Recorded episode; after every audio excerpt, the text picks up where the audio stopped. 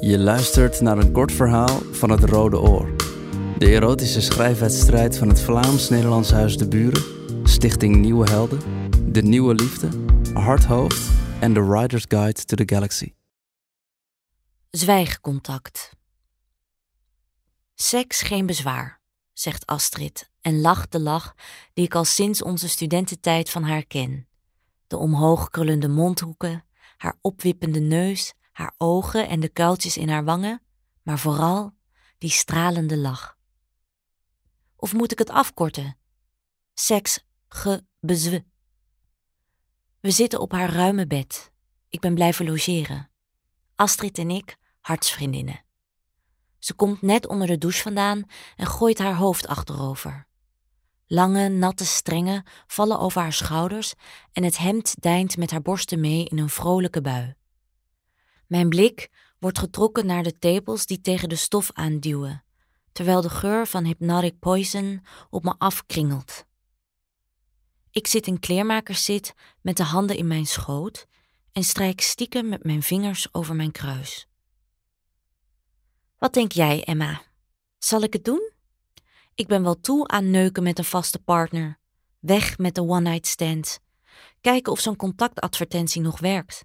Weer wat anders dan een datingsite. Lekker retro. Ik denk dat je met seks gebezwe vooral geile kereltjes achter je aankrijgt. Tja, dat klopt wel. Kom, brand los. Wat bedoel je? Mijn persoonlijke kwaliteiten, karakter en lichaam. Waar zal ik beginnen? zeg ik. Wacht, ik ga beneden zitten, kopje koffie erbij. Astrid springt op en haar onderarm glijdt langs mijn haar. Een kriebel trekt door mijn buik. Ben zo terug, roept ze vanaf de trap. Zal ik iets over mijn tieten schrijven? Grapje, zegt ze er meteen achteraan. Een zwarte slip zit strak om haar billen. Ik ken haar kwaliteiten maar al te goed. Ik zie haar stevige borsten vormen. Als ze zachtjes en ritmisch gekneed worden, komt ze erop klaar, vertrouwde ze mij ooit toe. Alleen mijn rug insmeren, zei ze toen ik van haar geheim wist en we topless op het strand zaten. Jij maakt er vast misbruik van. Ik heb je toch vaker ingesmeerd, zei ik zo onschuldig mogelijk. We lachten en ze greep naar mijn handen toen ik in cirkelbewegingen richting haar voorkant bewoog. Ze rook naar de kokels die ik met de zonnebrandcrème over haar huid verspreidde. Ik ken de geur van haar lichaam, haar hals, het gebied tussen haar schouderbladen en de huid achter haar oor. We slapen vaker bij elkaar. Lepeltje, lepeltje. Niets meer, niets minder. Ik dirigeer mijn rechterhand onder mijn shirt door naar boven en masseer het zachte, meeverende puntje.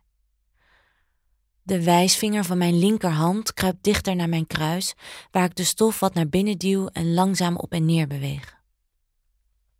Kastanjebruin of toch donkerblond? roept Astrid van beneden. Kastanje, zeg ik zonder aarzeling en stop mijn bewegingen. Dan sluit ik mijn ogen. Ik zie het naakte lichaam van Astrid voor me. Ze ligt op haar rug, haar benen opgetrokken en iets gespreid. Geen haartje meer? vraagt ze. Nee, antwoord ik. Alles weg. Jij bent echt de enige aan wie ik dit toevertrouw. Hoe doen andere vrouwen dat toch? Ik weet niet. Ik knip mezelf alleen maar een beetje bij. In gedachten buig ik voorover en proef haar zachte vlees. Ze zucht. Ik zucht. Met mijn tong trek ik een spoor omhoog over de zojuist geschoren huid richting haar navel. Ze smaakt naar restjes scheerschuim.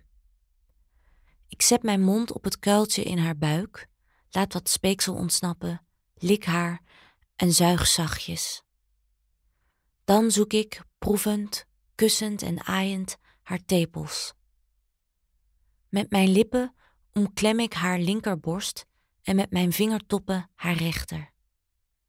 Ik houd met mijn mond en hand hetzelfde ritme aan.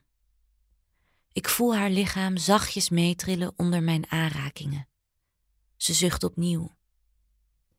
Iets over hoe lang ik ben, hoor ik op de achtergrond. Ik antwoord niet en zie haar voor me. Hoofd op het kussen, een ruime strook aan het voeteneind van het matras waar ik met gemak neer kan knielen. Zelfs in gedachten ruik ik haar. Het zoete zweet dat ik vannacht rook en dat van onder het dekbed in vleugjes ontsnapt.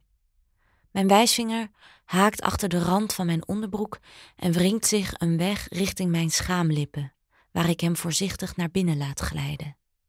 Ik masseer mijn borst wat steviger, strek de vinger zo ver mogelijk uit en blijf met het onderste kootje wrijven over de plek waar ik steeds naartoe gelokt word. Langzaam voer ik het tempo op en ik voel haar trillingen steeds heviger door het bed golven. Klaar, roept Astrid. Ja, schreeuw ik net iets te hard. Ik houd het schokken van mijn lichaam in en sla het dekbed over me heen. Astrid loopt de kamer in. Ze kijkt me aan. Kom, onder de douche, je bent helemaal bezweet. Dan gaan we straks voor jou ook een advertentie schrijven. Of hebben we die niet nodig? Weer die lach. Ik sluit mijn ogen. Het lijkt of ik Astrid's adem over mijn gezicht voel gaan. Koffie vermengd met hypnotic poison. Ik snuif haar geur op, hou mijn adem in en zwijg. Ik ben Maxime Palet Dit verhaal is geschreven door Hadeke, een van de finalisten van het Rode Oor 2023.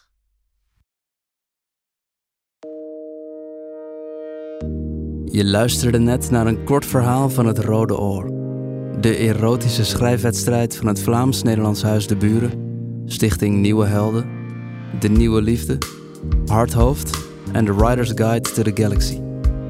Op deburen.eu slash het Rode Oor vind je meer informatie over het project, over de wedstrijd en kan je alle erotische verhalen van het Rode Oor lezen en beluisteren.